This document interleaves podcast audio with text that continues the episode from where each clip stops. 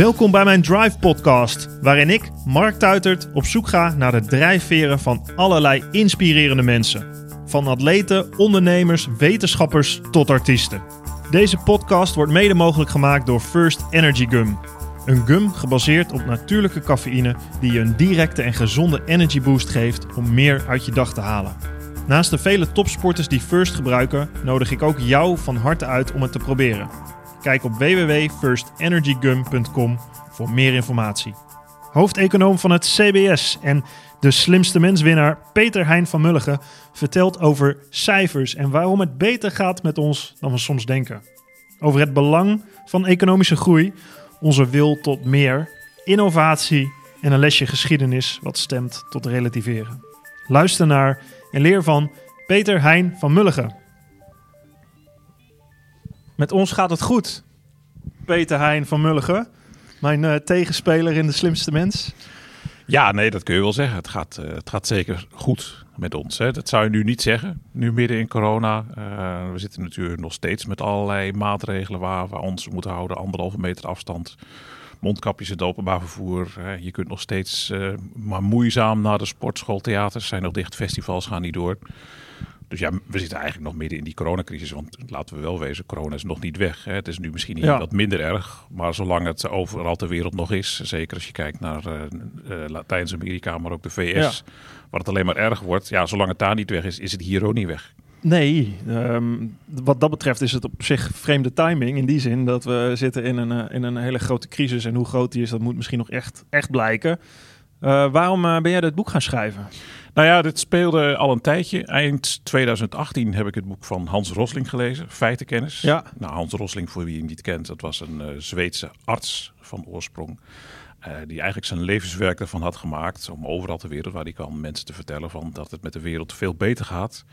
Uh, dan heel veel mensen denken. En hij heeft hele mooie TED-presentaties. Hij was een schitterende presentator. Hij kon dat heel erg leuk vertellen. Hij is zelfs nog een keer bij Zondag met Lubach geweest, uh, weet ik nog, waarin die de groei en ook weer de afnemende groei van de wereldbevolking mm -hmm. aan de hand van een stapel toiletrollen. Nou, dat je zoiets kunt bedenken, dat, nou, dat, uh, dat is hilarisch, maar ook bewonderenswaardig. En het grappige is, hij hield dan overal lezingen uh, ter wereld om te vertellen hoe het met de wereld gaat. Op basis van hè, de visualisaties die hij maakt. En dan misschien niet met uh, toiletrollen, maar met gewoon fancy graphics. En dan deed hij ook altijd een quizje onder de aanwezigen. En gewoon met iets van 12, 13 vragen. En dan vroeg hij van, nou, hoeveel procent van de wereld denkt u dat u in armoede leeft? En hoeveel jongens en meisjes gaan naar school? Nou, een hele reeks vragen. Er waren telkens drie antwoorden mogelijk. En dan moesten mensen gokken. En hij zei van, nou ja, je kunt het ook gewoon random doen. Hè, als een soort van chimpansee die ja. pijltjes afvuurt op een dartboard. En een chimpansee die moet dan ongeveer vier goed hebben. Want ze hebben allemaal drie opties. Twaalf vragen, één derde kans. Dan moet je er vier goed hebben. Overal waar die kwam, scoorden mensen slechter dan chimpansees. Hadden ze minder dan vier vragen goed. Slechter dan een blinde gok? Ja, ja precies. Ze hadden beter blind kunnen gokken. Dan hadden ja. ze meer goede antwoorden gehad dan wanneer uh, ze er uh, over na hadden gedacht. En eigenlijk altijd uh, te pessimistisch waren. En dat, dat, zegt iets over ons als mens, hoe wij ja, naar feiten kijken. Ja, precies. En dat is ook, uh, was voor hem de reden om dat boek te schrijven, Feitenkennis. En dan beschrijft hij niet alleen hoe het zit, maar ook hoe die mechanismes werken. Van waarom mensen uh, die fout maken. Het is, het is ook de denkprocessen die, er, die erachter mm -hmm. zitten. Nou, ik vond het een heel interessant boek. Alleen, ja goed, ik ben natuurlijk in de, door de wol geverfd met alle cijfers hier. Uh, dus ik vond het ook heel gek. Dat ja, jij bent mensen... hoofdeconoom van het CBS. Jij zit hier, jij zit hier ja. op de cijfers van ja, Nederland. precies. Nee, ik ben eigenlijk, uh, ik, ik, zit er middenin. Uh, en dan is het wel eens moeilijk te realiseren dat dat voor andere mensen niet geldt. Dus ik las dat boek en al die vragen die hij stelde, ja, ik wist dat het goede antwoord wel op. Mhm. Maar dat zei ook iets over mij. Dan denk ik van ja, het is helemaal niet logisch, die, die dingen die ik weet. Ook dankzij natuurlijk dat ik hier bij het CBS zit. Um, want uh, want even voor, voor, je, voor, je, voor, voor ook met Rosling erbij te pakken, zijn missie was om, om eigenlijk de, de wereld mensen in te laten inzien dat het beter gaat vaak dan dat we denken dat het ja, gaat. Dus toch? die, die, die misvatting, en een, een belangrijke misvatting die kern is van, in, zeker hier in het Rijke Westen, heerst bij heel veel mensen nog steeds een beetje het idee van het oude denken van we hebben de eerste wereld, dat zijn wij. Ja. En dan heb je een hele tijd niks. En dan heb je een derde wereld. En dat zijn al die arme mensen in Afrika, Azië, overal waar ze wonen. En, en dat is lang zo geweest, zeker tot de jaren 70, 80. Maar inmiddels is het heel anders. We hebben natuurlijk nog steeds die rijke top. Hè? Dat is het Westen, Europa, Amerika, Australië, Nieuw-Zeeland en dat soort landen. En je hebt nog een paar Afrikaanse landen die nog steeds straatarm zijn. Maar daartussen is een enorme grote groep, ja, noem het haast middenklasse landen Mhm. ontstaan. En die zitten daar middenin. Dat zijn geen mensen die straatarm zijn. Denk aan al die miljarden eh, Chinezen en Indiërs die de afgelopen decennia heel veel rijker zijn geworden. Kindersterfte is afgenomen. Mensen Mhm. dat doodgaat aan allerlei eh, nare ziektes die eenvoudig te genezen zijn, maar waar simpelweg het geld voor niet was. Dat gebeurt ook niet meer. Maar dit is voor um, ons als buitenstaanders hier in Nederland is dat gewoon een pure statistiek, toch? Daar heb ik Ja. dagelijks niks mee te maken. nee, nee, precies. Hè. Dat, is, dat is interessant. Dat is leuk om te weten. En dan fijn voor al die Chinezen en Indiërs hè, dat ze een beetje mee kunnen komen en dat ze niet meer straatarm zijn. Maar ja, voor Nederland heeft dat natuurlijk weinig consequenties. Eh, kijk, Nederland is een rijk land en dat was het in de jaren 70, 80 ook al. Mhm. Dus dat is leuk dat de analfabetisme elders in de wereld afneemt. Ja. Als Nederlander eh, koop je daar niet zoveel voor. Wat kunnen wij met cijfers? Precies. Nou ja, daar, daar zag ik dus die parallellen. Want heel veel van die dingen die eh, hij beschreef, die herkende ik ook voor Nederland. Kijk, ik, eh, ik doe dit werk natuurlijk een tijdje. Mhm. Eh, Hoe lang dus, al? nu, nou, zo'n tien jaar. Eh, en dat treed ik vaak over op in de media. Er zijn Ja. vragen over. We geven Word je persconferenties. uitgenodigd voor een spelshow? Precies, dat Hè? zijn leuke, leuke dingetjes. Die je dan praten, wint. Mark? Zullen we er heel snel over ophouden? Ik begon er zelf over. Ja, precies. Ik zal het niet meer doen. nee, die finale Nee, maar- was echt eh, indrukwekkend. eh. En, ehm, en, en ik ben er ook wel actief op Twitter over. En Ja. je volgt dan ook wel. En dan merk je heel vaak dat over heel veel zaken zoals ze in Nederland zijn, mensen ook veel somberder zijn. Mhm. Nou, dat is ook een beetje de achtergrond van de titel van mijn boek. Eh, dat, is, eh, dat komt uit een uitspraak van eh, Paul Snabel van 20 jaar geleden. Die was toen directeur van het Sociaal en Cultureel Planbureau.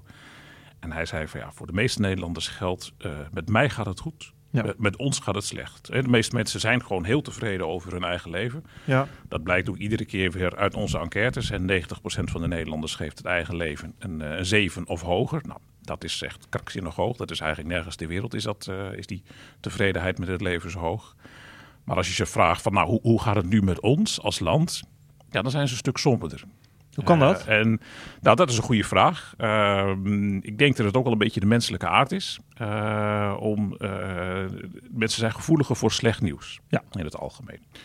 Het slecht nieuws scoort, dat zien we natuurlijk allemaal. En dat zal niemand raar vinden, want goed nieuws, daar vul je geen kranten mee. Nee. Eh, dat is ook saai om te lezen. Nou ja, je kan je afvragen, da- waarom is dat ook dan weer? Dat is inderdaad, dat is, het zit gewoon in ons mensen. ja, precies. Nee, dat, dat triggert aandacht. zijn.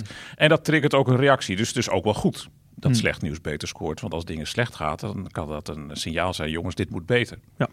Eh, en dan trekt de politiek aan zijn jasje. Doe er zelf wat aan. Maar eh, misstanden signaleren, dat, dat lijkt mij heel erg belangrijk. Want dat is de enige manier om vooruit te komen. Ja, daar haal je meer informatie uit dan alleen Ja. maar een, eh, een positief verhaal van het gaat geweldig met ons. Ja, Eh, als je denkt van nou, het nou, gaat allemaal leuk. goed, niks aan doen. Je, je, moet ook niet, je moet ook niet zelfgenoegzaam worden en dan achteroverleunen en denken van nou jongens, het gaat allemaal wel goed. Ja, we zijn eh, wel een er wordt apart niemand- volkje wat dat betreft Ja. als mensheid. We, willen, we streven naar beter, naar, nou ja, naar groei. Daar weet je natuurlijk ook Ja. wel eens van, naar, naar verder. Ja, Daarvoor en hebben we slecht nieuws nodig in principe. En, nou ja, zo zou je het misschien kunnen zeggen. Het, het triggert in ieder geval ons tot actie om iets beter te doen. Dus dat Ja. we gevoeliger voor zijn voor slecht nieuws is logisch. Mhm. En heeft ook heel veel positieve kanten. Ja. Alleen, het kan ook doorslaan. Dus als je alleen maar eh, gevoed wordt door slecht nieuws, kun je daar ook een beetje cynisch van worden. En niet meer inzien dat heel veel dingen gewoon wel gewoon veel beter gaan dan je denkt. Hè. Dus Hmm. ik zeg ook ergens in mijn boek, het gaat misschien niet zo goed als je wil. En dat zal waarschijnlijk altijd wel zo blijven, want er blijft altijd wel iets te wensen over voor eh, iedereen. Daar is niks mis mee. Maar tegelijkertijd gaat het misschien ook wel beter dan je denkt. Eh, Heb je een eh, voorbeeld in vergelijking? Want als je zegt het gaat beter dan je denkt, dan, dan moet je het ergens mee vergelijken. Ja, nou, dat klopt. Hè. Dus je, je kunt altijd je, een, gewoon een simpelweg een statement maken van nou, het gemiddeld inkomen van Nederlanders is er zoveel euro's. Dat zegt niks. Maar dan moet je ook kijken van nou, hoe was dat vroeger? Of hoe is het in andere landen? Mhm. Je hebt altijd een soort van benchmark nodig. Nou, en eh, in mijn boek eh, pak ik dan acht thema's erbij. Eh, mythes, om het zo maar te noemen. Die ik op die manier ja, eigenlijk ontrafel, eh, onderuit haal. Het Dus eentje is over van de welvaart in Nederland. Ja. En daar bestaat al lange tijd het idee van nou, economische groei. Dat is allemaal mooi en aardig. Dat meten we in.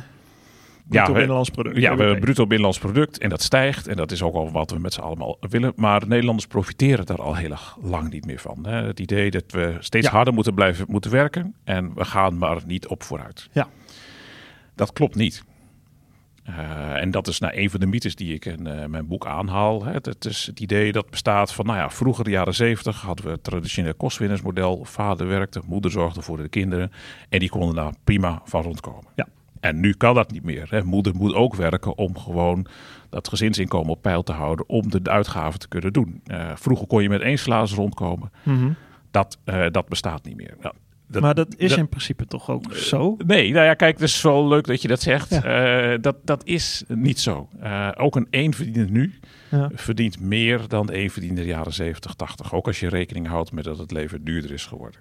Ja, maar is je, dat- dan ben ik meteen benieuwd, zit alles in die cijfers erin? Want ik weet, inflatiecijfers bijvoorbeeld, zit, er zitten de huizenprijzen niet in, toch? Eh, de huizenprijzen niet, maar wel wat je kwijt bent aan woonlasten. Ja, precies. Eh, eh, Oké, dus de hypotheeklasten zitten erin. Maar als je kijkt naar, ehm, dat is toch het hele complexe spel van economie. Ehm, mensen die tegenwoordig een huis willen kopen, zeg maar even vanuit gedacht, gewoon vanuit, vanuit de maatschappij, van wat je ziet. Je hebt twee inkomens nodig als je ergens een huis wil kopen. Bijna, want de huizenprijzen zijn gestegen, de, de lat ligt hoger, de woonlasten zijn misschien iets gedaald omdat de rente gedaald is. Maar eh, daarmee ehm, moet je, hè, moet, eh, ik zeg wel moet, het is ook een welvaartsniveau wat we gewend zijn wellicht. Hè. We hebben twee auto's, een huis en die betalen we met twee inkomens. Dus die hebben we nodig. Dus als de, we zijn best wel kwetsbaar daarin. Ja, nou ja, kijk, eh, dat is inderdaad waar. Eh, ik denk dat dat ook al een beetje de crux is. Eh, het welvaartsniveau is gestegen. En daarmee ook het uitgavenpatroon. Ah. Kijk, en, en, en op een of andere manier raken die dan wat ontkoppeld. Want eh, als je het even v- terug verplaatst naar de jaren 70, 80. Ja. Iemand kon toen prima rondkomen. Ja. Ehm, 70, ik ben een kind van 1980. Wij Nou. hadden één auto, een oude Saab, tweedehands. Mijn vader was boer en mijn moeder die, eh, die, die, die, die voedde ons op. ja, en heel af en toe ging je misschien eens op vakantie. We gingen eh, één, twee was, maar- weken per jaar op vakantie met de auto. Ja. ja en, nou ja, eh, dat was, ja. dat was normaal. Dat, Ja. dat, dat deed iedereen. Ja, ik ben ietsje ouder, maar ja, bij mij gold hetzelfde in mijn omgeving. Mijn broer is van 81. En eh, ja, toen, we, eh, toen ik op de middelbare school zat, toen gingen we wel eens met de auto op vakantie naar Hongarije. Nou, dat was een eh, heel end. En dat kon omdat Hongarije gewoon toen een spotgoedkoop land was. Ja. In vergelijking met Nederland. Hè. Dus op die manier kon je toch nog wat verder weg. Maar het uitgavenpatroon toen was natuurlijk ook heel veel anders. Hè. Dus we hadden minder spullen. Die waren er ook niet, maar als ze er waren geweest, hadden we ons nog niet kunnen permitteren. Er waren heel veel mensen die gewoon überhaupt geen kleuren-tv hadden toen. Ja. Vakanties deden we minder vaak.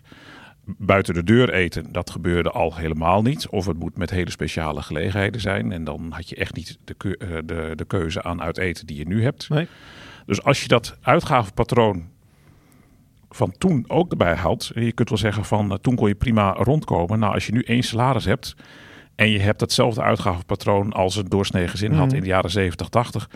Dan zou je veel meer geld overhouden dan dat gezin in de jaren 70, 80 toen. Omdat je gewoon heel eh, eenvoudig leeft. Maar dat willen mensen niet, want ze willen meer. Ze willen ook een paar keer per jaar op vakantie. En misschien nog wel zelfs wel een keer met het vliegtuig op wintersport. En ze willen ook af en toe eens uit eten en eh, leuke dingen kunnen doen. Ja. Ja, daar is meer inkomen voor nodig, maar dat inkomen hebben we ook. Ja. Het is, het is ook een wisselwerking. eh, de, eh, Het is een we- beetje we, de werken meer. hedonistische eh, tredmolen dat je we willen meer. Ehm, we verdienen ook meer, dus kan het ook. Ja. En, en da- dat, daardoor moeten we ook weer meer verdienen, omdat Ja, en dan, en, dan, blijven en, doen. en dan lijkt het alsof je niet vooruit bent gekomen. Maar de wereld is gewoon ook, als je in Nederland kijkt, puur naar materieel niveau, is echt enorm vooruit gegaan. En over dat huis, dat niet meer betaalbaar is. Het huizenbezit is nu echt veel hoger dan in de jaren 70, 80. Het is echt niet zo dat iedere leraar of politieagent of verpleegkundige, waar het wel eens over gaat, toen maar een eigen huis bezat. Dat was eh, was ook vrij zeldzaam. Toen had je sterker nog allerlei regelingen om het huizenbezit wat te stimuleren, zodat mensen met een wat, eh, wat, wat kleinere beurs ook een eigen huis konden kopen. Je had maar premie is bijna, stel je koopt geen woning, een huurwoning is bijna ook niet te doen. Ja, het, vers- het verschilt ook heel erg waar je zit. Hè, dat, is, Hm. eh, dat is wel een lokaal, eh, lokaal fenomeen, een, een, een probleem. Maar ook daarbij geldt, uh, dat kan soms heel snel gaan. En dan, dan, dan, dan vind ik het opvallend hoe slecht van geheugen we dan wel weer zijn. Ja. Nog niet zo lang geleden, en dan hebben we het over minder dan tien jaar geleden, zaten we midden in de financiële crisis. Toen hebben we een paar jaar gehad dat de huizenprijzen daalden. Mhm. Nou, dat was toen een enorm probleem. Al die mensen voor wie de hypotheek onder water stond. En Ja. hun huis was in waarde gedaald, waardoor de hypotheekschuld groter was dan de waarde van hun huis. Eh, en dat, dat, was, dat was tragisch, grote problemen. Eh, en nu is het probleem weer dat huizen te hard in prijs zijn gestegen. En dat daardoor starters in de Randstad Ja. geen huis meer kunnen vinden. En, eh, en binnen eh, een paar jaar is het van het ene uiterste naar het andere uiterste gevlogen. Het is niet zo dat hier een structureel probleem zit. Je hebt, er zijn natuurlijk wel structurele Mhm. dingen aan de hand. Hè. Dus dat, dat zijn- heeft ook te maken met demografische veranderingen. Er komen steeds meer eenpersoonshuishouden in Nederland, waardoor er gewoon steeds meer vraag is naar, eh, naar woningen. Ja. En die vraag concentreert zich ook in de gebieden in Nederland waar de bevolking groeit. Het is vooral de grote steden in en buiten de Randstad. Ja, Dus- dat dus is het. is dat Als je ziet een, cult- of een, een maatschappij veranderen, woonvormen veranderen. Mensen gaan meer scheiden, heb ik het idee ook. Eh, mensen gaan meer eh, in, in eenpersoonshuishoudings met Ja, kinderen de- de- de eh, bevolking- wisselen of blijven. Volgens mij, wat jij schreef, was ook ehm, dat, dat volgens mij nu dat 30-jarige single samenwoont 50-50 is. Terwijl eh, terwijl eh 50 jaar geleden 90% was. Die getrouwd Ja. Waren. Ja, rond dat is een, Het eh, is het is- eh, mega. Het is echt een enorm verschil. Ja, ik, ik, ik schrok er ook zelf wel weer van als ik die cijfers dan terugzag. Maar dan denk je, en dan denk je terug aan die tijd van wat je dan kunt herinneren in de jaren 70, 80 toen je klein was. Dat was inderdaad vrij normaal. Mijn ouders zijn ook getrouwd toen ze begin twintig waren. Nou, Ja. die voor jou waarschijnlijk ook zo, eh, zo Ja. rond die leeftijd. En dat was toen volstrekt normaal. Nou, als je eh, nu begin twintig bent en al trouwd, dan voor heel veel mensen denken van, oh, wat, wat, wat, wat, bijzonder, goh, wat leuk voor jullie.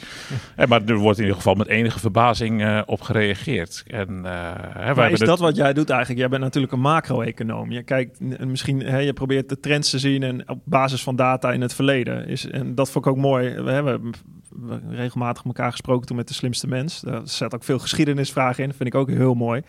Daar kun je veel van leren, denk ik. Ehm, is, is dat de les die jij eh, trekt uit de data, maar ook uit de geschiedenis? Dat we gewoon, als we nu kijken naar vandaag, dan zien we dingen om ons heen en dan meten we dat met wat vandaag is. Maar als je even uitzoomt en over de hele span kijkt, dan zie je een heel ander beeld. Ja, ik denk dat dat eh, een, een, een, vrij perfecte samenvatting is van het boek wel.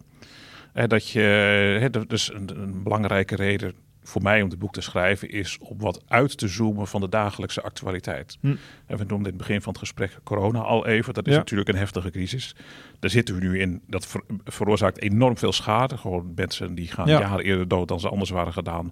Of anders, als je wel herstelt, kun je nog heel erg lang ziek van blijven. Eh, Ja, of he- economisch, heel veel bedrijven die eh, daar, daardoor onderuit gaan, ZZP'ers die hun eh, werk kwijtraken. Hmm. Er zit hier, er zit hier heel veel leed in. Hè? Sociaal, Ja. maatschappelijk, maar ook economisch leed.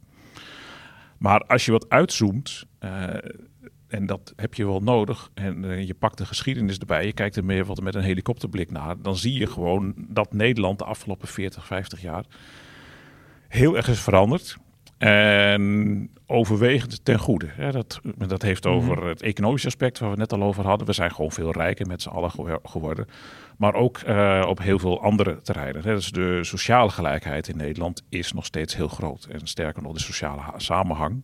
Als je kijkt naar het vertrouwen dat mensen onderling in elkaar hebben. En in, in instituties zoals hè, bijvoorbeeld de regering, de politie. eh, ja, dat zou je niet zeggen.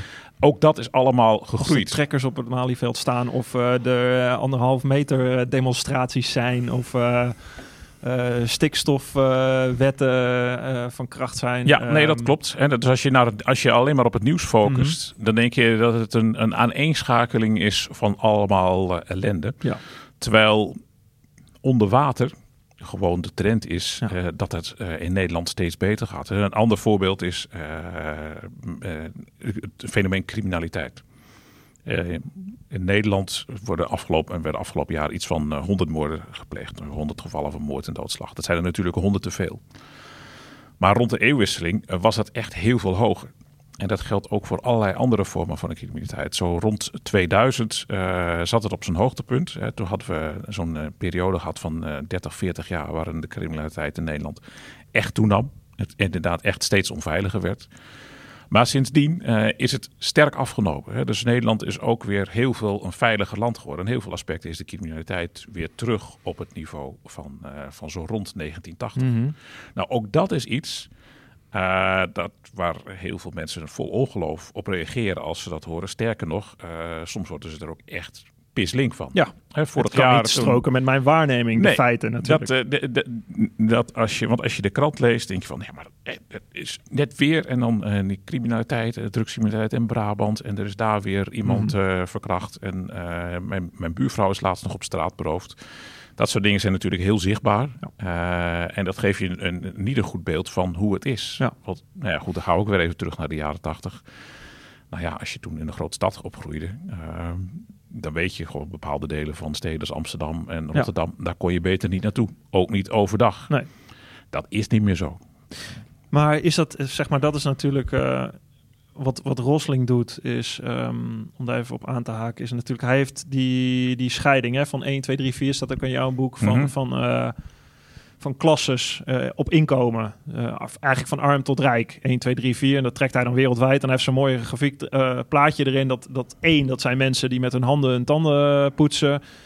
twee, dat zijn mensen die één plastic tandenborsteltje hebben... waarmee ze het hele gezin moeten voorzien. Drie, dat zijn dan... Ieder heeft zijn eigen tandenborsteltje. En vier, dan heeft ieder lid van het huishouden... zijn eigen elektrische tandenborstel. Uh, dat is natuurlijk wereldwijd. En hij zegt, volgens mij als ik het goed heb, de, de wereldwijd is het niet zozeer de verschillen per land, maar zijn het veel meer de verschillen tussen die groepen onderling. Je hebt natuurlijk die groepen in iedere landen. Uh, en iemand die een, een potje kookt uit, uh, uit die lid is van die tweede groep, die kookt op dezelfde manier een potje als iemand in Brazilië die lid is van die tweede groep, Precies. al bij op een vuurtje.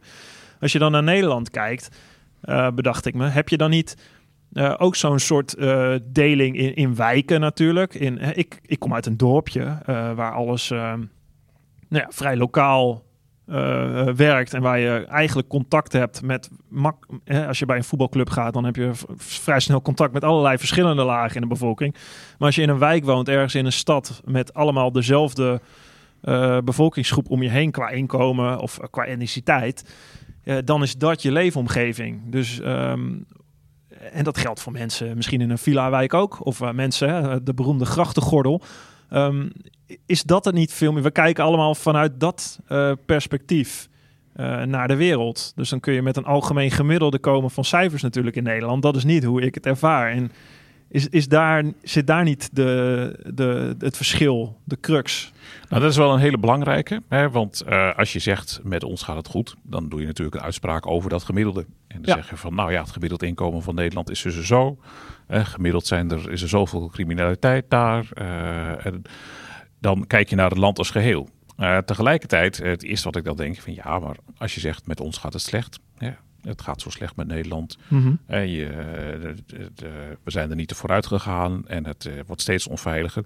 Dan doe je natuurlijk net zo glashard die uitspraken over het gemiddelde. Uh, als je ja. zegt dat het minder goed gaat. Dus ja, maar de vraag van, is, bestaat er een ons, zeg maar? Ja, ik, ik heb mijn ons. verhaal. Nee, dat klopt. Ik denk dat er wel een, uh, een ons bestaat. En als je kijkt naar de macroblik van hoe gaat het met Nederland als mm -hmm. ons. Hè, en dat is, dat is dat ook dat sentiment van nou, met mij gaat het goed. Hè, dat is natuurlijk het allerindividueelste niveau, je, jezelf. Maar als je zegt met ons gaat het slecht, dan doe je al die uitspraken over het gemiddelde. Nou, mijn boek is vooral bedoeld om te laten zien dat die uitspraak met ons gaat het slecht, dat dat gewoon niet klopt. Ja. Uh, maar goed, daar ben je natuurlijk niet klaar mee. Uh, je moet ook kijken naar die verschillen tussen groepen. Ja. Uh, en is ook niet voor niks dat ik daar in ieder geval een, een heel hoofdstuk aan wijd. Uh, van hoe zit het nou met die verdeling? Het kan best wel zijn dat Nederland als geheel uh, erop vooruit is gegaan. Maar als die vooruitgang bij één kleine groep in Nederland terecht is gekomen en de rest Precies. gaat er niet op vooruit. Of sterker nog, gaat erop achteruit, ja, dan ben je nog steeds niet goed bezig. Nou dat hoor je dan. De politieke elite of de grachtgordel of dit begrijpt niet wat wij meemaken. En ik denk, als ik, hè, los van de macro-economische cijfers, ik denk dat, dat daar heel veel in zit. Ik ben een boerenzoon. Ik denk niet dat mensen begrijpen wat boeren nu uh, beweegt. Of uh, ik kom niet in een, in een wijk waar, waar een achterstandswijk of waar, waar veel immigranten wonen, wat daar speelt, waar mensen een mening over hebben. Um, dus ja, hoe kun je, hoe kun je daar je überhaupt op inleven? Ja, nou, dat is een, dat is een hele belangrijke. maar ik denk dat het nieuws daar ook overwegend goed is. Kijk, en dan kijk ik specifiek naar Nederland. Dat geldt niet voor ieder land. Ik denk dat het voor bijvoorbeeld de Verenigde Staten een heel ander verhaal is waar de ongelijkheid duidelijk uh, is toegenomen de afgelopen decennia, waar een ja, belangrijk gedeelte van die economische groei toch vooral bij de top is terechtgekomen. In Nederland is dat niet zo. Als je kijkt naar verschillende maatstaven van uh, ongelijkheid, die zijn in Nederland vrij laag in internationaal perspectief. En ze zijn ook redelijk constant. als je puur kijkt naar de inkomensongelijkheid, hoe zijn de inkomens in Nederland verdeeld? Mhm dat zit al nou ja, zo'n beetje sinds begin jaren tachtig op een vrij constant niveau. Hm. Uh, en ook als je kijkt van, nou, naar de absolute elite in Nederland versus uh, de bodem. Die groepjes zijn maar heel klein. Echt iets van driekwart van de Nederlandse bevolking zou je gewoon echt tot de middenklasse kunnen rekenen. Nederland is, is bijna één grote middenklasse. Dus die verschillen zijn er wel. Maar in vergelijking met andere landen zijn ze heel erg klein. Uh, en wat ook een belangrijk is, die sociale cohesie in Nederland. Dus de mate waarin mensen contact mhm. hebben met anderen. Mhm. En soms ook mensen van buiten hun eigen bubbel. Die sociale cohesie is behoorlijk groot. Dat zie je bijvoorbeeld aan de hoeveelheid vrijwilligerswerk uh, die mensen doen. En soms is dat vrijwilligerswerk dat je denkt van ja, het is een beetje opportunistisch. Hè? De vader die het voetbalelftal van zijn zoontje traint, die doet dat niet zozeer omdat hij dat uh, zich graag inzet voor de voetbalclub. Ja. Maar uh, ja, dat wordt van je verwacht als jouw zoontje bij die club zit. Maar er zijn ook heel veel mensen die vrijwilligerswerk doen waar ze zelf in principe weinig gaan hebben. Vrijwilligers bijvoorbeeld in, in verzorgingstehuizen. Mm Die activiteit activiteiten doen met, uh, met ouderen. En, uh, en dat is in Nederland meer dan in andere landen? Ja, er is geen ander land ter wereld waar uh, die inzet voor vrijwilligers als vrijwilligerswerk zo hoog is. En het grappige is, dat doen we allemaal. ook als je bijvoorbeeld kijkt met, naar Nederlanders met een migratieachtergrond. Hm. die niet hier geboren zijn, of misschien waarvan hun ouders niet in Nederland geboren zijn. Die gedragen zich wat dat betreft heel erg zoals autochtone Nederlanders dat doen. Sterker nog, hmm. Eh, de Nederlander met die migratieachtergrond doet vaker vrijwilligerswerk dan de doorsnee Fransman of Duitser dat doet. Dus eigenlijk die, die mensen eh, lijken al veel meer op ons dan het land waar ze geboren zijn. Ja, eh, dan, dan het land van herkomst. En, en daaraan zie je ook hè, die, die sterke sociale cohesie in Nederland. Hè, dus die, die hele multiculturele samenleving. Ehm, die gaat daar gewoon, uh, gewoon in mee. En dat, dat vind ik ook nog een belangrijke mythe om uh, aan te stippen in mijn boek. Hè. Dus vandaar dat daar ook een hoofdstuk in staat. Dus mm -hmm. dat heel, heel aspecten die te maken hebben met die multiculturele samenleving veel beter gaan dan de meeste mensen denken. Twintig jaar geleden uh, was het Paul Scheffer die schreef dat essay over nou, het multiculturele drama. Mm -hmm. Wat er allemaal mis was gegaan in Nederland. En er waren natuurlijk ook heel veel zaken die niet goed gingen. En dat geldt nog steeds wel. Als je kijkt naar mensen met een migratieachtergrond, die doen het gewoon slechter op de arbeidsmarkt. Onderwijsniveau is lager. Uh, ook andere vormen van integratie ziet er nog niet allemaal goed uit. Maar de afgelopen twintig jaar is daar alleen maar uh, sprake geweest van verbetering. Hè. Dus eentje waar dat heel erg bij opvalt is bijvoorbeeld criminaliteit. Er wordt al vaak gekeken van nou, nou, niet-westerse jongens, die zijn oververtegenwoordigd in de misdaad. Nou, mhm. dat is ook zo. Ja. En als je dan, maar als je dan kijkt naar uh, jongens zeg, hè, zeg in de tienerleeftijd... Mm uh, die in aanraking komen met uh, criminaliteit... dat is bij jongens met een niet-westerse achtergrond... veel hoger dan bij jongens met een Nederlandse achtergrond. Tegelijkertijd zijn die jongens van niet-westerse achtergrond nu minder vaak crimineel dan de Nederlandse jongens dat zo'n 10, 15 jaar geleden waren. En dat is best wel opvallend, want 10, 15 jaar geleden had niemand het over het drama van al die Nederlandse jongens die zo en masse op het uh, misdaadpad waren. Terwijl en dat is, de perceptie is dat, nu is dat je wel, de absolute getallen, zeg maar. Uh, dat is uh, nou ja, verdachte per 10.000 inwoners, hm. zeg maar. dus dan kijk je echt ja. van puur over de absolute getallen zijn ze natuurlijk nog veel kleiner, omdat de groep Nederlandse jongens ja. veel groter is. Uh, dus je moet kijken van nou, hoe, relatief hoe vaak komen ze in aanraking met justitie. Dat is inderdaad vaker dan Nederlandse jongens dat doen, maar minder vaker dan Nederlandse jongens 10, 15 jaar geleden deden. Dus ook die jongens uh, zijn steeds minder vaak crimineel. Hè. Ze plegen hun misdaden in uh, GTA en niet meer echt op straat. Hm. Nou ja, dat, dat is goed om ook erbij te vertellen, lijkt me inderdaad. hoe zit het ehm, met, uh, met economische groei, zeg maar. Dat, dat, dat is iets waar wij natuurlijk uh, heel erg naar kijken. Je, de cijfers van het CBS, dat lijkt, nou ja, af en toe lijkt het wel eens een... Uh, dat geen politicus het meer aandurft om niet eerst iets doorgerekend te hebben voordat ze iets te berden brengen over toekomstvisie. Dan denk ik altijd van ja, hoe, hoe kun je in godsnaam... ik snap dat je ramingen doet, maar hoe kun je een coronacrisis, een economische crisis, er zijn natuurlijk heel veel dingen niet te voorspellen. Uh, Nee. En toch gebeurt het. En toch eh, maken we er beleid op. Eh, hoeveel waarde heeft het dan eh, om, om dat te voorspellen? Of überhaupt om daarmee bezig te zijn? Ja, kijk, ik denk dat nu is dat extra lastig. Het Centraal Planbureau dat die ramingen maakt, heeft het ook heel expliciet gezegd. Ja. In de laatste publicaties zeggen van nou, we- we kijken naar verschillende mogelijke scenario's van hoe heftig de coronacrisis is. En een soort basispad van nou ja, zoals het er nu op lijkt, de meest waarschijnlijke ontwikkeling, dan is het ongeveer dit. Maar stel je voor dat het herstel veel sneller gaat, dan wordt het Mhm. beter. Maar het kan ook zijn dat het een tweede golf is, of dat het nog eh, jarenlang bij ons blijft. Dan zit het meer eh, in deze range. En dat is vooral niet zozeer dat je hè, die cijfers achter de komma moeten kloppen. Ja. Maar dat je ook met als maatschappij, maar ook als politiek denk ik een beeld hebt van nou, waar moeten we ongeveer rekening mee houden. Zonder dat iemand ervan uit kan gaan van eh, ja, maar jullie hadden beloofd dat het 6,3% krimp zou zijn. En nou is het 6,8 en dit kan Ja. toch niet. Nou, zo werkt dat niet. Maar dat je een beetje een idee hebt. Maar daarachter ligt, eh, misschien is dat ook het punt dat je wil maken, het, het hele idee van het bruto binnenlands product. Ja. Dat zo centraal staat in, eh, in, in, in al ons denken. Eh, en dat is ergens wel jammer, want zo is dat BBP nooit bedacht. Het, het is ooit eens een keer bedacht in de jaren 30 met het idee om te kijken van nou, hoe staat de economie er nou voor? Dat ging dan vooral in de VS, waar het eh, zijn oorsprong had. Want de jaren 30, dat was natuurlijk de grote depressie. Ja. En hè, de regering van eh, president Roosevelt, die eh, begon met een nieuw deal. Allerlei economische stimuleringsmaatregelen om het land er wat bovenop te krijgen. Maar je kunt wel maatregelen treffen, maar als je geen idee hebt of het werkt, of het een goede maatregel is, ja, dan is het weinig zinloos. Dus ze wilden een basisidee hebben van hoe ziet de Amerikaanse economie eruit? Eh, dus, dus hoe kunnen we kijken wat voor maatregelen kunnen we nemen?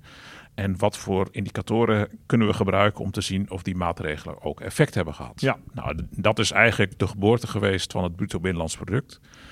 Toen in de Tweede Wereldoorlog kreeg het een extra boost, omdat eh, het, alles stond natuurlijk toen in het teken van het verslaan van eh, de Japanners en de Duitsers. Dus ook toen was het heel belangrijk om eh, gewoon een echt een, idee te hebben van hoe ontwikkelt de economie zich? Mhm. waar, waar moeten we op inzetten? Nou, daar is het BBP uitgeboren, puur als indicator. Wat maken we hier in het land met z'n allen? Nou, dat sloeg aan. Vooral ook omdat er allerlei maatstaven werden bedacht, indicatoren, waardoor het ook internationaal vergelijkbaar was. Hè. Dan kon je jezelf als land vergelijken. Nou, Amerika was natuurlijk het voorland. En dan kon je zeggen van, hé, hey, wij groeien Ja. toch net iets sneller. Of we gaan iets minder snel. Waar, dus het is een hele nuttige maatstaf om Ja. te kijken van, nou ja, hoe gaat het? Maar zoals het vaak gaat bij eh, succesvolle maatstaven. En dat zie je niet alleen bij BBP, dat zie je bij allerlei andere dingen. Dat het een soort van doelvariabele begint te worden. Ja. Dat het niet meer een soort middel is geen is. middel meer, maar doel. Nee, om, Ja. een middel is om iets te meten, maar alles staat in het teken van dat BBP. En Ja. dan denk ik, ja, maar dan schiet je door. Het is nog steeds een hele nuttige maatstaf, eh, want het is nog steeds zo dat er ter wereld geen landen zijn waar de welvaart, en dan kijk je naar een heel breed aspect, dus niet alleen materiële welvaart, maar Mhm. ook zaken als gezondheid, veiligheid, kwaliteit van het onderwijs, de sociale cohesie, eigenlijk alles wat het leven de moeite waard maakt. Landen waar dat hoog is, dat zijn zonder uitzondering landen met een hoog BBP. En dan Hm. heb je het over landen als Nederland, maar ook eh, andere landen in Noordwest-Europa, Scandinavische landen, Ja, ja. Oostenrijk, Zwitserland. Er is geen land waar die welvaart hoog is, maar de tegelijkertijd een, eh, een laag BBP heeft. Dus als indicator is het nog steeds nuttig, Ja. maar het schiet zijn doel voorbij als alles daarop is gericht. En dat is natuurlijk de afgelopen decennia wel gebeurd. Economische groei. Er wordt alleen maar gekeken naar de BBP. Als dat omhoog gaat, Ja. is het goed. En als het niet omhoog gaat, is het slecht. En dat is in mijn ogen veel te simplistisch. Want? Nou, precies om die reden dat er meer zaken zijn dan alleen dat BBP Hm. dat belangrijk is. En eh, nou is het zo, inderdaad, je hebt een hoger BBP nodig om al die andere zaken te realiseren. Ja. Maar dat betekent niet dat je al die andere zaken moet, maar moet negeren en te zeggen van nou, als het BBP maar groeit, komt het met de rest wel goed.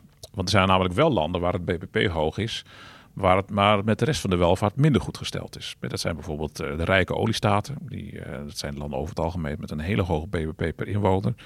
Maar ik denk dat de meeste Nederlanders zouden zeggen van nou ja, Maar dan meet je het af aan... er zijn andere dingen in, Ja. de maatschappij die, waar ik minder gelukkig van word. En ook een land als Amerika, waar het BBP-groei heel hoog is geweest de afgelopen, eh, afgelopen jaren, de afgelopen decennia. Maar dat, dat die economische groei toch niet overal evenveel terecht is gekomen. En als je alleen op BBP focust, Ja.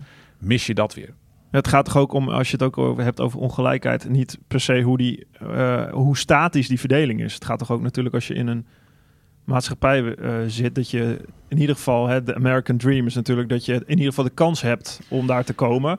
Wat misschien uh, in Amerika juist nu niet helemaal waar is, maar dat je dat dat mensen er doorheen vallen ook. Dat mensen die in de top zitten ook weer naar, naar beneden vallen. Hè. Dat is volgens mij de hele economische motor. Dat, het ondernemen. Het ondernemen kan je omhoog brengen. Je kan veel succes hebben. Maar je kan ook keihard op je bek gaan. En dat is voor jezelf heel erg erg. Hè, op individueel niveau. Maar op macro-niveau heel erg goed. Ja, dat geeft het land veel dynamiek. En, ik, uh, en ik denk wel dat een te hoge ongelijkheid die dynamiek ook onder druk zet. Want als de ongelijkheid groot is, uh, hè, dan kun je verschillende fenomenen zien. Aan de ene kant de bovenkant die zich terugtrekt in de, in de compounds. Ja. Want die zien van ja, die, hè, die arme massa die kan alleen maar vooruitkomen door het van ons af te pakken.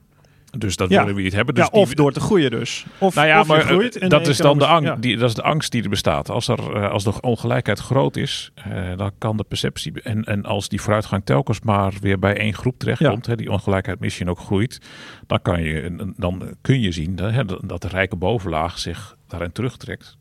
In, in, in, hun afgeschermde omgeving. Ja, en ervoor te zorgen dat dat niet verandert, dat zij hun privileges houden. En aan de onderkant betekent als de ongelijkheid zo groot is, dan kan de perceptie bestaan van het maakt niet uit wat je doet, want het wordt toch nooit wat. Nee. dus daar remt het initiatief. Ja. Dus als die ongelijkheid boven een bepaald niveau zit, nou ja, en ik weet niet precies wat het niveau is, maar je ziet duidelijk dat landen waar de ongelijkheid te groot is, is zet dat een hele duidelijke rem uh, op die dynamiek. Een te grote gelijkheid heeft het tegenovergestelde effect, want dan kan het voor iedereen ja. zijn van ja, het maakt niet uit wat je doet, want nou ja, je hebt altijd dat uh, behaalde niveau. Hè, dat is het ideaal van het oude communisme. Dat, dat zijn inderdaad hele gelijke landen. Nog steeds zie je dat uh, inkomensongelijkheid in voormalig communistische landen bijzonder laag is. Landen als Oekraïne, de inkomensverdeling is daar heel, uh, heel gelijkmatig maar als erfenis daarvan. dynamiek. Maar dat kan toch ook niet het ideaal zijn. Dat het niet uitmaakt wat je doet, uh, of je wat van je leven probeert te maken of niet. Uiteindelijk komt iedereen allemaal in dezelfde grauwe middenmoot terecht. Ja, dat, daar word je als maatschappij ook niet beter van.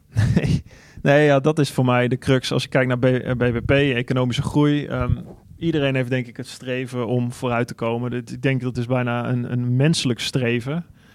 De, volgens mij, uh, ja, Schopenhauer noemde het uh, de wil tot leven. Nietzsche, ja. de willen toe macht. Uh, verder willen komen, jezelf willen ontwikkelen, ergens willen komen. Volgens mij, als dat, los van BBP, als, als je het idee hebt in de maatschappij dat dat niet meer kan... Dan, dan kunnen de cijfers macro-economisch zeggen dan helemaal niks meer. Dan is het puur je eigen vertrouwen dat jij hebt in de toekomst om ergens te komen. Ja, nee, maar dat is, dat is ook het. Uh, dus ik ben heel blij dat je dat zegt, want dat is ook het hele achterliggende idee. Kijk, dat BBP, dat is maar een abstracte maatstaf hmm. om te kijken van nou, hoe staat het met de economie als geheel. Uh, en economische groei wordt vaak gelijk geschakeld aan de groei van het BBP. Je hebt zo'n indicator, ja. dus nu is het zoveel miljard, vorig jaar was het zoveel miljard. Komt een groeipercentage ja, nou gaat het, uit. Het gaat goed of slecht. Precies. Dat is het. Maar het, ik, het hele concept van economische groei, ik zou dat liever wat filosofischer willen benaderen. Niet zozeer puur kijken van nou, wat, wat, doet het BBP, ja. maar wat is dat nou eigenlijk? Mm En ik denk dat economische groei simpelweg een resultante is precies van die wil om op vooruit te komen, van die menselijke eh, inventiviteit om manieren te bedenken van dit kan beter dit kan slimmer. Het is simpelweg gewoon innovatie. Dat, dat leidt tot economische groei. Dat kan misschien niet eens je doel zijn. Maar als mensen daarmee bezig zijn uh, om van hun leven iets beters te maken, om een slimmere manier vinden om iets te doen, en dat kan van alles zijn. Als je uh, dat toestaat uh, of mogelijk maakt dat mensen dat doen, dan is economische groei hoe dan ook de uitkomst daarvan. Dus als je zegt van en dat zijn geluiden die je nog wel eens hoort uh, in bepaalde uh, kanten van het e economisch-politieke spectrum. Die zeggen van nou ja jongens, we zijn toch rijk genoeg. Behouden wat we hebben. En ja, BBP, je hoeft er toch niet op te focussen. We ja. hebben economische groei, laten we daar eens mee stoppen. denk ik, ja, ja, als je dat stopt, dan wil je dus eigenlijk dat die menselijke inventiviteit stopgezet wordt. Want dan wil je mensen verbieden om op vooruit te komen. Want hier, hier kun je filosofisch over doorgaan. Er zijn natuurlijk um, genoeg mensen die het zeggen inderdaad. Hè? Waarom zouden we groeien? Dat is best wel iets voor te zeggen. We kunnen ook soberder leven. Hè? Hoezo moeten we vooruit? We kunnen ook gewoon minder spullen hebben. En dat voel ik zelf ook woord voor. Hè? Blij zijn met wat je hebt. Um, alleen, dan moet... dat contrasteert met altijd maar vooruit willen gaan wat in, Ja. je, in je kern zit. Ja, ja en het, het hoeft niet eens een soort maniacale drive te zijn om altijd maar weer eh, beter te zijn. Mhm. Maar eh, als je dat, eh, als je dat wil stop wil zetten, moet je eigenlijk. Dat is eigenlijk, een, eh, als je het nog verder beschouwt, is een soort inperking van vrijheid. Om mensen te, te verbieden om er iets beters van te maken. Dat maar is- als we filosofisch gezien zouden zeggen, met z'n allen even eh, hypothetisch van, we, we, we- we- hey, economische groei, vooruitgang.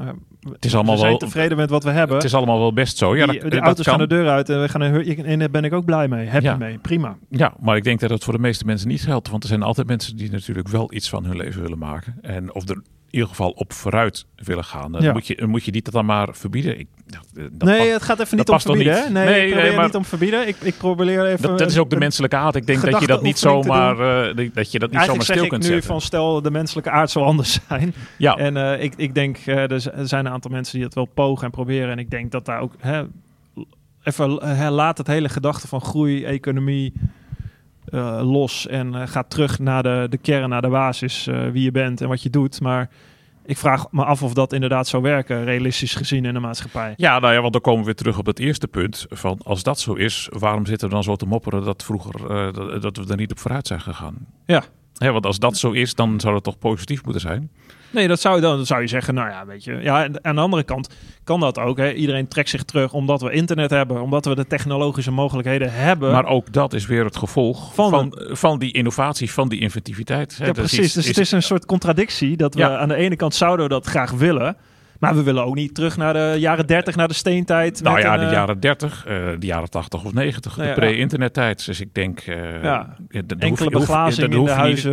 eh, ja, je hoeft niet eens een tiener te zijn die de hele dag op TikTok of YouTube zit of zo om te, te zeggen van ah, dat internet kunnen we best wel weer zonder. Ik heb eh, mijn hele jeugd doorgebracht zonder eh, leef maar weer in. Ja, of we komen op een punt dat we zeggen, we hebben, we hebben de technologische mogelijkheden nu, we hebben het goed. Hè? Zoals jij al zegt, we hebben het allemaal goed, dat we dat ons beseffen. En we denken van nou, eh, laten we die mogelijkheden gebruiken en we, we, we- dat, dat is het dan. Da- daar gaan we mee terug. Ja, naar, ik denk, eh, dat, dat, ik denk dat het ook helemaal niet nodig is en ook niet, helemaal niet haalbaar. Want hè, het, het, eh, ik denk dat de meeste mensen zeggen van nou, het is wel goed nu. We hoeven Ja. niet nog meer. En dan denk ik, ja, maar heel veel van diezelfde mensen zeiden dat twintig jaar geleden ook al. En Ja. dan kunnen we zeggen, oké, nou prima. Maar dan alles wat, we wat je twintig jaar geleden hebt eh, erbij gekregen, dat leef je weer in. Dus dat is geen internet of Ja. zo'n trage dial-up modem.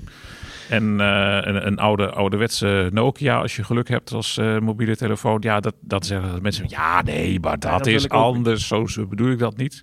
nou, terwijl maar, eh, Robert Kennedy zei het volgens mij, die, had, die, die was tegen BBP. En ja, dat- dat kijk, ook, als, aan. ook als maatstaf. Nee, ja, ik bedoel als maatstaf van geluk dan- is het dan meer. Hè? Wat, wat, wat, wat is het leven? Wat, hoe, dat is natuurlijk hoe, eh, los van BP en los van hoe de cijfertjes eruit zien, wat, is de erva hoe, wat geef je je leven voor cijfer? Hoe Precies. waardevol vind jij het? Ja, nee, dat klopt. Maar dat is, eh, het BBP is daar geen voorspeller Nee. voor. Maar hè, wat ik zei, er zijn geen landen ter wereld waar die tevredenheid met het leven in alle aspecten heel erg hoog is. Precies. Maar tegelijkertijd op de BBP laag.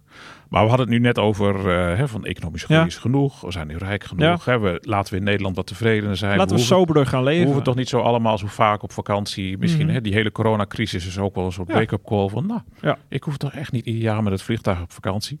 Nou, allemaal prima. Ja. Bedoel, hè, bedoel, de- Filosofisch gezien misschien de wel mooi. me- mensen ik, in eh, Nederland hebben in gewoon mezelf. een, hele, gewoon een prima leven. En eh, de meeste land, mensen in andere landen zouden daar dolgraag mee willen ruilen. En dan kom je precies daarop. Hoe ga je mensen die eh, het nog wat minder goed hebben, en die in andere minder welvarende landen uitleggen, jongens, economische groei, eh, het is wel goed zo. Het is allemaal Ja. veel te veel schade komt eruit voort. Mhm. We helpen het klimaat naar de knoppen. Overal gaat de natuur erop achteruit. Ja. We gaan er vanaf nu mee stoppen. En ja, dat jullie nog met het hele gezin eh, de tanden moeten poetsen met je vingers. Sneu, jammer. Het is niet anders. Nee, maar dat, dat moeten we dan ook niet zeggen. En dan zijn we maar ja, natuurlijk zo hypocriet als, groei- eh, als maar kan. Ja, maar als je zegt Ja. economische groei is voldoende, dan, dan moet je... De, hè, want het, het En voor ons als Nederland, wij hebben het zo goed prima. Laten, we, laten we het hier, we, gaan, we trekken ons terug. Ja, maar ik denk dat je dan eh, eh, ook in Nederland dat dat niet zo werkt. Hè. Stel je voor, de Mhm. rest van de wereld is er even niet. We Ja. kijken hier nu alleen naar Nederland. Want kijk wat er gebeurt hier in Nederland als een paar jaar die economische groei, ook Mhm. als je kijkt naar het BBP, een paar jaar stilvalt. Nou, daar worden we als land niet bepaald vrolijker van.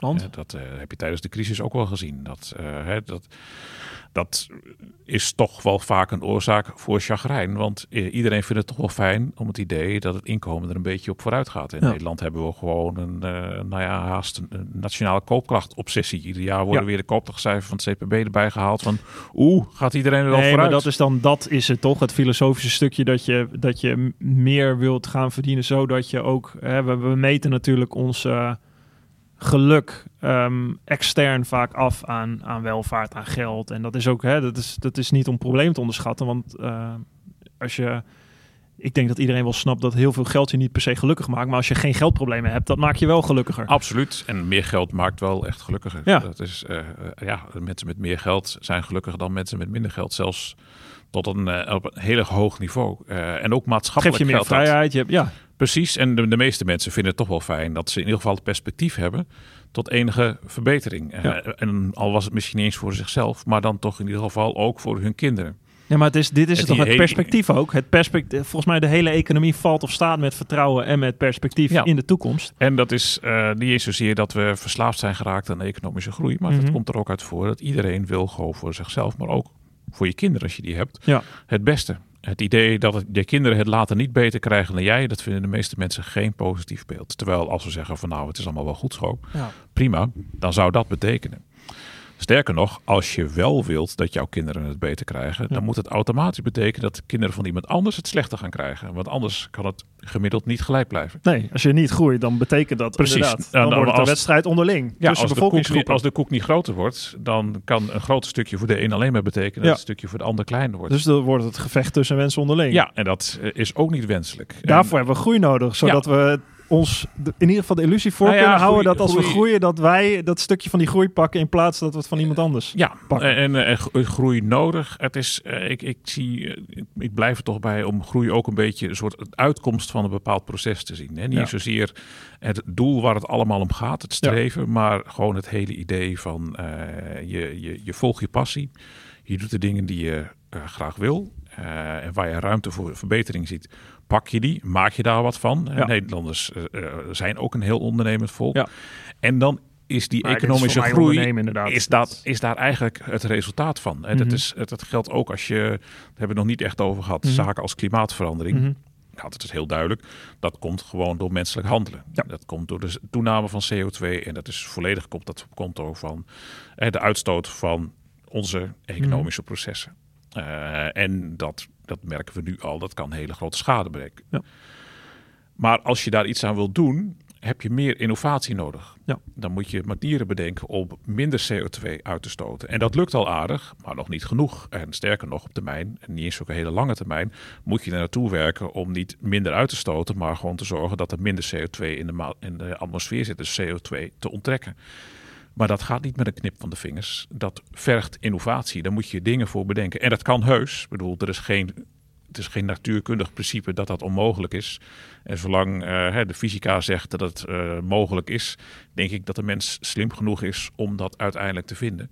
Maar als je dat wil, Mhm. ja, dat kost innovatie. Ja. Eh, is innovatie voor nodig. En tada, innovatie leidt automatisch ook weer tot economische groei. Dus minder klimaatschade, minder, eh, minder Ja. klimaatverandering, minder milieuschade gaat hoe dan ook gepaard met economische groei. Het is echt een misvatting om te zeggen, jongens, we gaan daar een rem op zetten, geen economische groei weer. Want dat is de enige manier om het klimaat te redden. Ja, het dat is eigenlijk is een hele eh, kostbare misvatting. uiteindelijk komt het neer op jezelf verbeteren, de wereld verbeteren. De, dat, dat zit in eh, het, het verbeteren, de drive. De, Ja. hè, mijn podcast heeft niet voor niks drive. Precies, nee. Het is gewoon een hele belangrijke. gedrevenheid om... En dat is niet een soort van ja, ehm, naïef optimisme van jongens, ach, dat komt Nee. allemaal vanzelf goed. Hè, we zijn slim genoeg. Uh, maar het is meer het optimisme dat gebaseerd is op wat we als mens tot nu toe bereikt hebben. Ja. En dat heeft heel veel negatieve externe effecten gehad. Nou, gelukkig Ja. lijkt het erop dat we ons daar steeds meer van bewust worden. Uh, en wat daarvoor nodig is. Maar ik denk dat we als mensheid in ieder geval de inventiviteit hebben uh, om daar Ja. iets mee te doen. Mooi. Wat is jouw drive om dit te doen? Mijn drive is vooral, uh, nou ja, goed, hè, en daar, dan is het toch weer de hardcore statisticus, om de mensen ook te laten zien hoe het echt zit. Juist die mythes die er bestaan over dat het allemaal Mhm. zo slecht gaat, of de verkeerde kant op. Dat ik wil laten zien, jongens, je mag er van alles van vinden. Of het goed genoeg is of niet. Dat is niet aan mij. Ik bedoel, daar kun je hele andere denkbeelden over hebben. Maar laten we in ieder geval uitgaan met z'n allen van diezelfde feiten. Maar jij kijkt niet alleen naar statistieken, want ik heb jou met de slimste mens meegemaakt. Jij uh, geschiedenis, je bent natuurlijk econoom, je hebt de processen ontleed. Um, er, moet meer achter zitten dan alleen de cijfers. Nou ja, kijk, de, de, de passie is om uh, in ieder geval die feiten kennen. Dat vind ik wel een, vind ik wel een hele belangrijke. Kijk, iedereen heeft recht op zijn eigen mening, maar niemand heeft recht op zijn eigen feiten. En ik denk als je vanuit gaat van dezelfde feitenbasis, mhm. van diezelfde feitenkennis, dat verhoogt automatisch al uh, de kwaliteit van het maatschappelijk debat dat we met z'n allen hebben. Kijk, je kunt bijvoorbeeld als je kijkt naar de multiculturele samenleving, of mhm. je het nou fijn vindt of niet, dat Nederland steeds meer verkleurt en dat er hier meer migranten naar Nederland komen. Dat is iets waar je over van mening kunt verschillen. Maar het is wel belangrijk om daaruit te gaan van hè, dezelfde feitenbasis. Want anders praat je langs elkaar heen en dan kom je helemaal nergens. En, ja, ik, en ik vrees uh, dat er nogal een, een, een missie uh, ja, na te streven is. Want, ja, Bijna onmogelijke missie. Ja, aan, aan die feitenkennis ontbreekt het ook wel. Uh, wel en, en dat is ook het gevaar als, je, als daar misvattingen over bestaan. Het is geen sexy verhaal natuurlijk altijd. Het is, nee, het is, hè, dat, is, dat is het risico natuurlijk. Ja. Hè, baas, saai, al die feitjes. Meningen zijn vaak ook veel leuker dan de feiten. Maar ja, het risico bestaat wel dan dat je daar helemaal op de verkeerde dingen focust. Terwijl als je Nederland wil verbeteren, kun je beter uitgaan van hoe het echt zit. En kijken van, hé, hey, hier kan het beter, laten we ons daarop richten. En niet richten op de dingen waarvan we denken dat het slecht gaan, maar die eigenlijk helemaal niet zo slecht zijn. Waarvan akte? Peetijn Vermulligen, dankjewel. Yes, leuk. Dank je voor het luisteren naar mijn Drive podcast. Wil je nu meer afleveringen luisteren? Abonneer je dan op mijn podcast via Spotify, iTunes of YouTube. Je kan me vinden onder Drive Podcast Mark Tuitert. Of bekijk alle informatie en alle podcasts op www.firstenergygum.com. Ga je naar het tapje media en het tapje podcasts. Daar vind je alle informatie. Laat me ook weten wat je van deze podcast vindt en welke gasten jij graag zou willen horen. Daar ga ik daar werk van maken. En dat kan je doen via mijn eigen social media kanalen. Mark Tuitert. Je kan me vinden op Instagram, Twitter en LinkedIn. Ga gedreven verder zou ik zeggen en tot de volgende Drive podcast.